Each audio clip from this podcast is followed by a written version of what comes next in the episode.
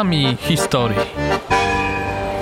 Podcast dofinansowany ze środków Instytutu Dziedzictwa Myśli Narodowej imienia Romana Dmowskiego i Ignacego Paderewskiego w ramach Funduszu Patriotycznego.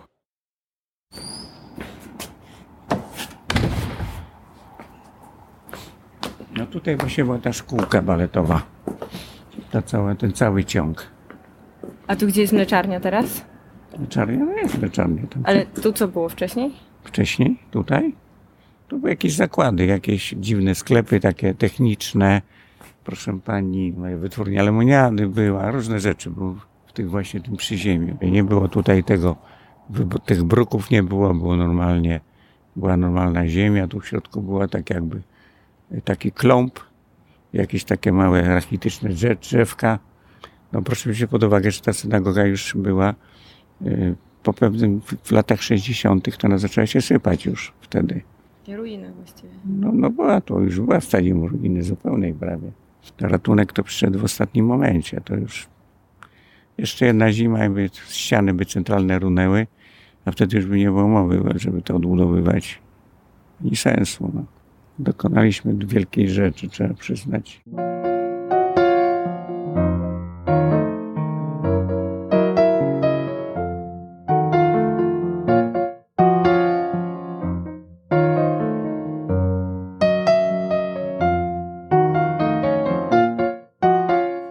Nazywam się Anna Berezowska. e, Jestem doktorantką na Wydziale Judaistyki na Uniwersytecie Wrocławskim. E, Skończyłam także historię sztuki e, i archeologię. Obecnie także pełnię funkcję koordynatorki warsztatów dialogu w dzielnicy czterech wyznań we Wrocławiu. I w tej dzielnicy, dzielnicy czterech wyznań się teraz znajdujemy, ponieważ ulica Włodkowica, o której jest ten podcast, znajduje się w dzielnicy, która jest ewenementem właściwie na skalę, na skalę światową, można powiedzieć, przynajmniej na skalę e, polską. E, Powiedzmy, dlaczego dzielnica czterech wyznań? Ponieważ w obrębie czterech ulic e, znajdują się siedziby czterech kongregacji wyznaniowych: rzymskokatolickiej, e, prawosławnej, żydowskiej i luterańskiej. W 2005 roku te cztery kongregacje postanowiły stworzyć wspólnie fundację w ramach dialogu ekumenicznego, w ramach także e, dbania o potrzeby mniejszości wyznaniowych i bronienia praw mniejszości wyznaniowych. Także temu celowi przyświecała chęć ochrony dziedzictwa architektonicznego. I my znajdujemy się w tym momencie na dziedzińcu, dziedzińcu przy synagodze. To jest synagoga pod Białym Bocianem. Siedzimy sobie właśnie w e, takiej kultowej właściwie już e, restauracji, kawiarni o nazwie Mleczarnia E, i patrzymy sobie na pięknie wyremontowaną synagogę, bo właśnie ta ulica Włodkowica, przy której się synagoga znajduje, była chyba no, gdzieś tam od początków ulicą żydowską, prawda?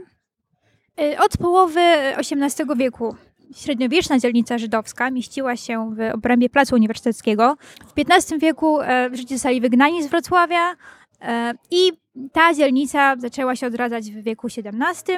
I właśnie wtedy, wtedy Żydzi zaczęli osiedlać się w, w okolicy ulicy Włodkowica i ulicy Antoniego. W połowie wieku XIX, tak w sumie już na początku wieku XIX, e, powstał pomysł stworzenia ogólno, e, ogólnodostępnej synagogi dla Żydów, ponieważ wcześniej, jeszcze przed wiekiem XIX, Żydzi skupiali się wokół takich mniejszych synagog, na przykład synagogi krajowej, wtórnie zadaptowanych budynków e, w obrębie miasta. W wieku XIX kongregacja liberalna gminy żydowskiej postanowiła stworzyć własną synagogę ogólnodostępną, która jakby też e, niejako reprezentowała ich jako takich świeckich obywateli miasta. Czyli to jest ta synagoga tutaj, synagoga pod Białym Bocianem. Czy wiadomo dlaczego ona jest synagogą pod Białym Bocianem? Tak, e, ponieważ wcześniej w tym miejscu mieściła się gospoda, której właściciel nazywał się, był zwany Bocianem. Także ta gospoda też, też nazywała się Białym Bocianem, więc kiedy już synagoga została stworzona, e, przyjęła jakby tą, tą nazwę, można powiedzieć, ksywę tej, tej dawnej gospody. To jest bardzo ciekawe, no bo chyba bocian nie jest koszerny, prawda? Można tak powiedzieć, bo to, to jest ewenement, prawda? Jeśli chodzi o taki typ nazwy, że bierze nazwę od gospody, tak? Tak, tak mi się wydaje. E, Prawdopodobnie tak. też synagogi mają dużo mniej restrykcyjne zasady nazewnictwa, możemy tak powiedzieć. Na przykład, jeżeli porównujemy to do sytuacji kościołów i wezwań e, kościołów, e, nie mamy, nie mamy, nie mamy takich restrykcji w przypadku synagog, więc, więc to nie jest aż tak rażące w tradycji żydowskiej, jak byłoby na przykład w, w tradycji chrześcijańskiej, taka nazwa. Jest dosyć urocza, musisz przyznać. W ogóle sama synagoga jest urocza, jest przepiękna i możemy się cieszyć tym, że jest e, wyremontowana, ponieważ po wojnie, tak naprawdę prawie że do lat 90., e, prawda, ona była w ruinie. No już do lat, do lat takich nawet pierwszych dwutysięcznych ona została wyremontowana, e, otworzona w roku 2010 dopiero. Ja jeszcze pamiętam, jako taka mała dziewczynka, tutaj czasami przychodziłam z mamą. Cała ulica Błotkowica i i wraz z nią synagoga była, była takim obrazem, można powiedzieć, nędzy i rozpaczy. Synagoga nie miała dachu wtedy, no, wyglądała bardzo, bardzo, bardzo fatalnie, można powiedzieć. Jest wyremontowana. Tutaj też bardzo często odbywają się mm, koncerty, bo ta akustyka też sprzyja, e, szczególnie takim, e, takim kameralnym koncertom. I też mamy tutaj siedzibę gminy wyznaniowej, żydowskiej i również mamy mykwę. Czym jest mykwa w tradycji żydowskiej? E, mykwa jest w takim wolnym tłumaczeniu z hebrajskiego zbiornikiem wody, zbiornikiem wody dokładnie żywej, czyli takiej, która pochodzi bezpośrednio z rzeki, jeziora, roztopionego śniegu albo deszczówki. Właśnie Mykwa Wrocławska y, na swoim dachu zbiera deszczówkę i przeprowadza ją do, do basenu, który znajduje się jakby w, w, w podziemiach. To jest bardzo ważne właśnie, żeby ta woda przechodziła jakby w sposób naturalny z, z, otoczenia, z natury. E, wtedy może właśnie pełnić funkcje kultowe. W tradycji żydowskiej e, po okresie menstruacji kobieta odbywa taką rytualną kąpiel w celu takiego odrodzenia. No, ta, ta kąpiel ma właśnie bardziej funkcję duchową niż stricte fizyczną. Znaczy jest to kąpiel fizyczna, ale ona przede wszystkim pełni funkcje duchowe. Na pewno po roku 68 została jakby ruiną, podobnie jak synagoga. W latach 70. władze miejskie podjęły w ogóle taką potworną decyzję o przeprowadzeniu rur kanalizacyjnych do przestrzeni Mykwy. Także wszystkie okoliczne budynki, ich kanalizacja po prostu spływała do, do Mykwy. Chyba w roku 97 gmina podjęła decyzję o stworzeniu takiego fachowego raportu o stanie technicznym Mykwy. No i, no i on właśnie mówił, że, że jej pomieszczenia są wypełnione fekaliami do poziomu około półtora metra. To jak ona obecnie wygląda i bardzo Państwa zachęcam do, do jej zwiedzenia, jest, jest niesamowite. Jest efektem e, wieloletniej pracy, przede wszystkim Fundacji Penteca Han. Jest też jedynym prawdopodobnie tego typu obiek obiektem na świecie, ponieważ on obecnie łączy funkcję zarówno kultową, jest to koszerna mykwa jeżeli na przykład pojawiłaby się w Wrocławiu ortodoksyjna kobieta, która zechciałaby skorzystać z mykwy, ma taką możliwość. Natomiast normalnie ona pełni funkcję edukacyjno-muzealną i jednocześnie łączy te dwie funkcje, to właśnie jest ewenementem na, na skalę światową. Tutaj tętniło w przedwojennym Wrocławiu, w Breslau życie żydowskie. Czy możemy powiedzieć coś więcej właśnie o Żydach tutaj na tym terenie, o ich życiu takim codziennym? Przed wojną, no przede wszystkim, wraz z przeniesieniem się głównej siedziby gminy przy synagodze pod Białym Bocianem, rozkwitło tutaj jakby życie, życie żydowskie, no też ogromnie ważnym budynkiem, który znajdował się na ulicy Włodkowica, było żydowskie seminarium teologiczne pierwsza tego typu uczelnia na terenie Niemiec, która kształciła rabinów. Jest to niezwykle znany obiekt w Niemczech.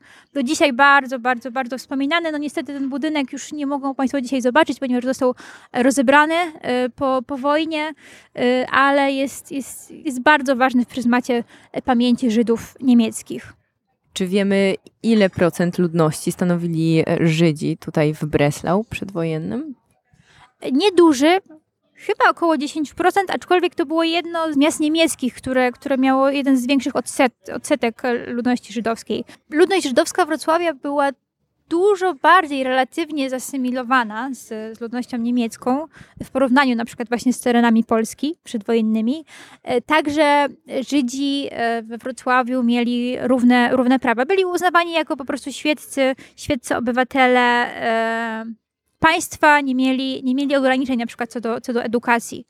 Też przez to to życie było inne niż jeżeli na przykład mamy w, w głowie taki obraz Sztedla, e, no to, to jakby to nie, jest, to nie jest obraz kompatybilny z, z tym, jak wyglądało życie żydowskie we Wrocławiu przed wojną. Większość ludzi e, realizowała się po prostu zawodowo jako bankierzy, e, jako lekarze, robiła doktoraty na Uniwersytecie Wrocławskim. Jeżeli Państwo by poszli na, na przykład na, na cmentarz żydowski na ulicy Ślężnej, to te nagrobki także, to nie są nagrobki ortodoksyjne, nawet na jednym właśnie e, jest płaskorzeźba z wizerunkiem banku, ponieważ, ponieważ e, złożony tam, tam człowiek miał, miał swój bank i, jego, jego życzeniem było to, żeby, żeby ten, ten bank, to, to swoje dziedzictwo uwiecznić na, na nagrobku. Sytuacja się może nie diametralnie, ale zmieniła po wojnie, ponieważ właśnie bardzo dużą część e, wojennej ludności żydowskiej stanowili ludzie właśnie z terenów wschodnich, także z terenu ZSRR, e, więc to życie było bardziej ortodoksyjne, pojawił się język jidysz, nieużywany w, w, we Wrocławiu e, przed wojną. E, wcześniej to był język niemiecki, wszystko było wydawane w języku niemieckim. Czyli Żydzi tutaj byli zasymilowani z Niemcami, ten język niemiecki funkcjonował jak najbardziej, no ale przyszedł ten czas, lata 30., kiedy rozpoczęły się pogromy żydowskie. Jak to, jak to wyglądało wówczas? Znaczy od, od w zasadzie dojścia Hitlera do władzy Żydzi mieli e, coraz mniej praw w mieście. Apogeum tej sytuacji nastąpiło w roku 1938, czyli podczas Nocy Kryształowej, kiedy to oddziały nazistowskie zniszczyły sklepy należące do Żydów, budynki, które zamieszkiwali e, Żydzi, w tym synagogi. E, synagoga na Wygonie, ta nowa synagoga stworzona dla, dla coraz większego odłamu liberalnego została spalona, podobnie jak większość synagog w Niemczech. Synagoga Bocianem się uratowała głównie dzięki temu, że przylega do, do innych budynków, no i obawiano się e, pożaru w przypadku jej podpalenia. Jest jedną z niewielu synagog, które przetrwały Noc Kryształową e, w Niemczech. E, w czasie II wojny światowej ona pełniła funkcję magazynu na zrabowane mienia żydowskie. Jest to dramatyczna historia. Ludność żydowska także funkcjonowała po Nocy Kryształowej. Tutaj też mamy na, na dziedzińcu taką tablicę upamiętniającą wywózki Żydów do obozów koncentracyjnych, ponieważ już właśnie w czasie II wojny światowej Żydzi byli wywożeni z Wrocławia do obozów koncentracyjnych. E, i dziedziniec synagogi e, pełnił funkcję placu. Czyli to był taki plac, e, plac wywózek, więc rzeczywiście te budynki tutaj wiele złego mogły widzieć, tym bardziej miło patrzeć teraz, jak tutaj ludzie sobie siedzą, jedzą, rozmawiają. Często na tym placu bawią się dzieci i słuchać też różne języki. To powiedz mi jeszcze, co Tobie, jako wrocławiance, podoba się na ulicy Włodkowica i w tych okolicach? Powiedziałam, że życie, że ta ulica żyje i jakby że życie, mówiąc bardzo już e, podniośle, wygrało ze śmiercią. E, tak jak właśnie pamiętam tą ulicę i synagogę z lat 90., no, no, to była taka ulica wręcz można powiedzieć postapokaliptyczna. Budynki były też w, w, w, po części zburzone, synagoga była ruiną. No i życie wygrało i teraz jest, jest to jakby piękna ulica, e, pełna różnych inicjatyw kulturalnych, edukacyjnych, na której także odbywają się na przykład właśnie warsztaty dialogu, które koordynuje w dzielnicy, podczas których możemy porozmawiać i posłuchać e, przedstawicieli tych kongregacji. I to jest, to jest niesamowite, że jakby e, udało nam się po, po II wojnie światowej, po 1968 roku odbudować to wszystko i żyć w takiej pięknej koegzystencji i wspólnie, e, wspólnie tworzyć nowy, nowy Wrocław.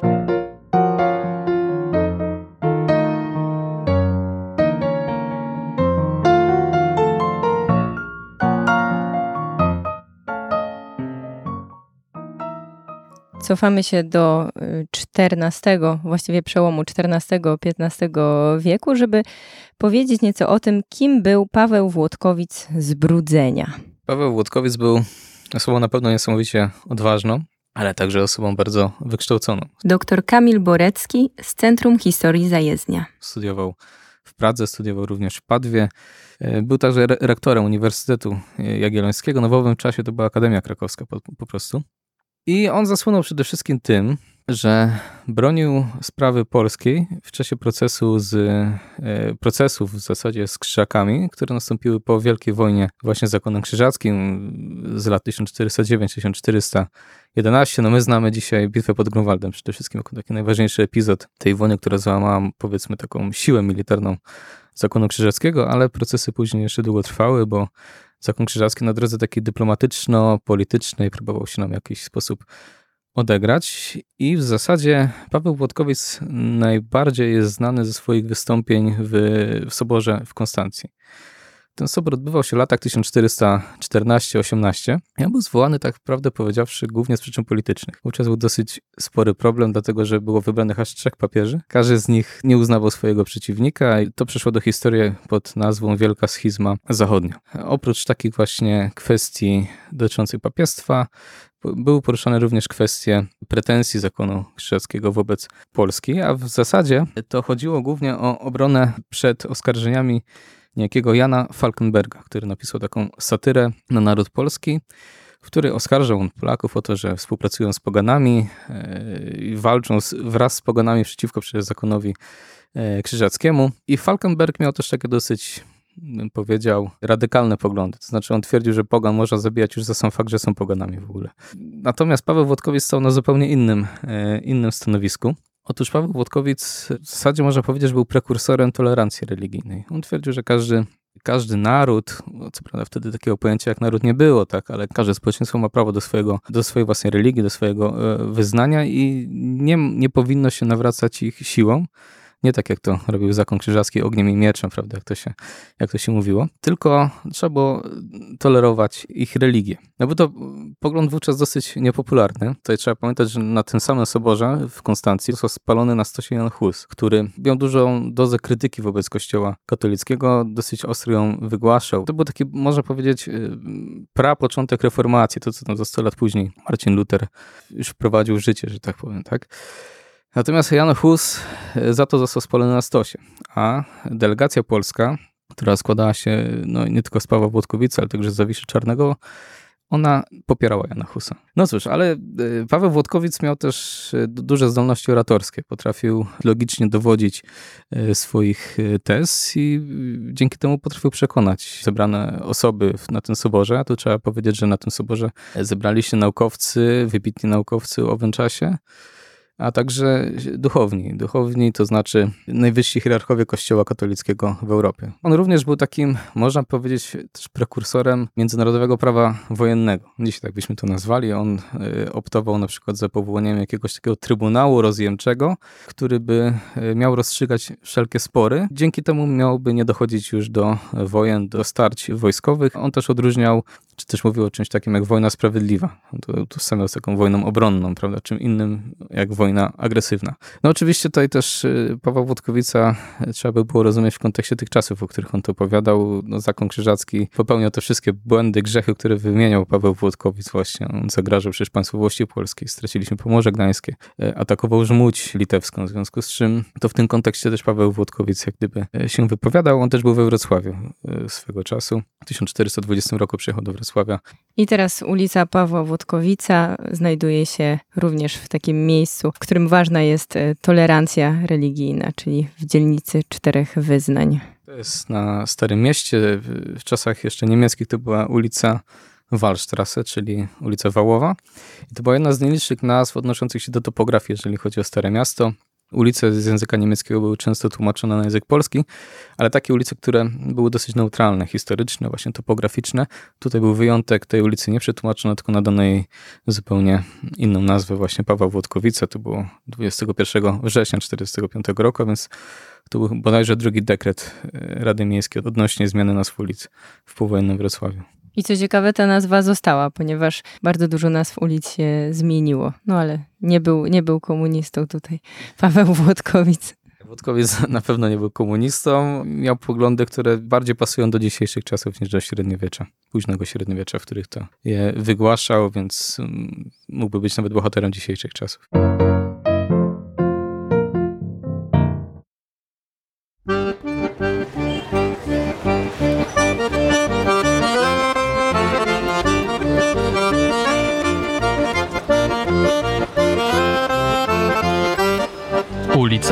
Historii.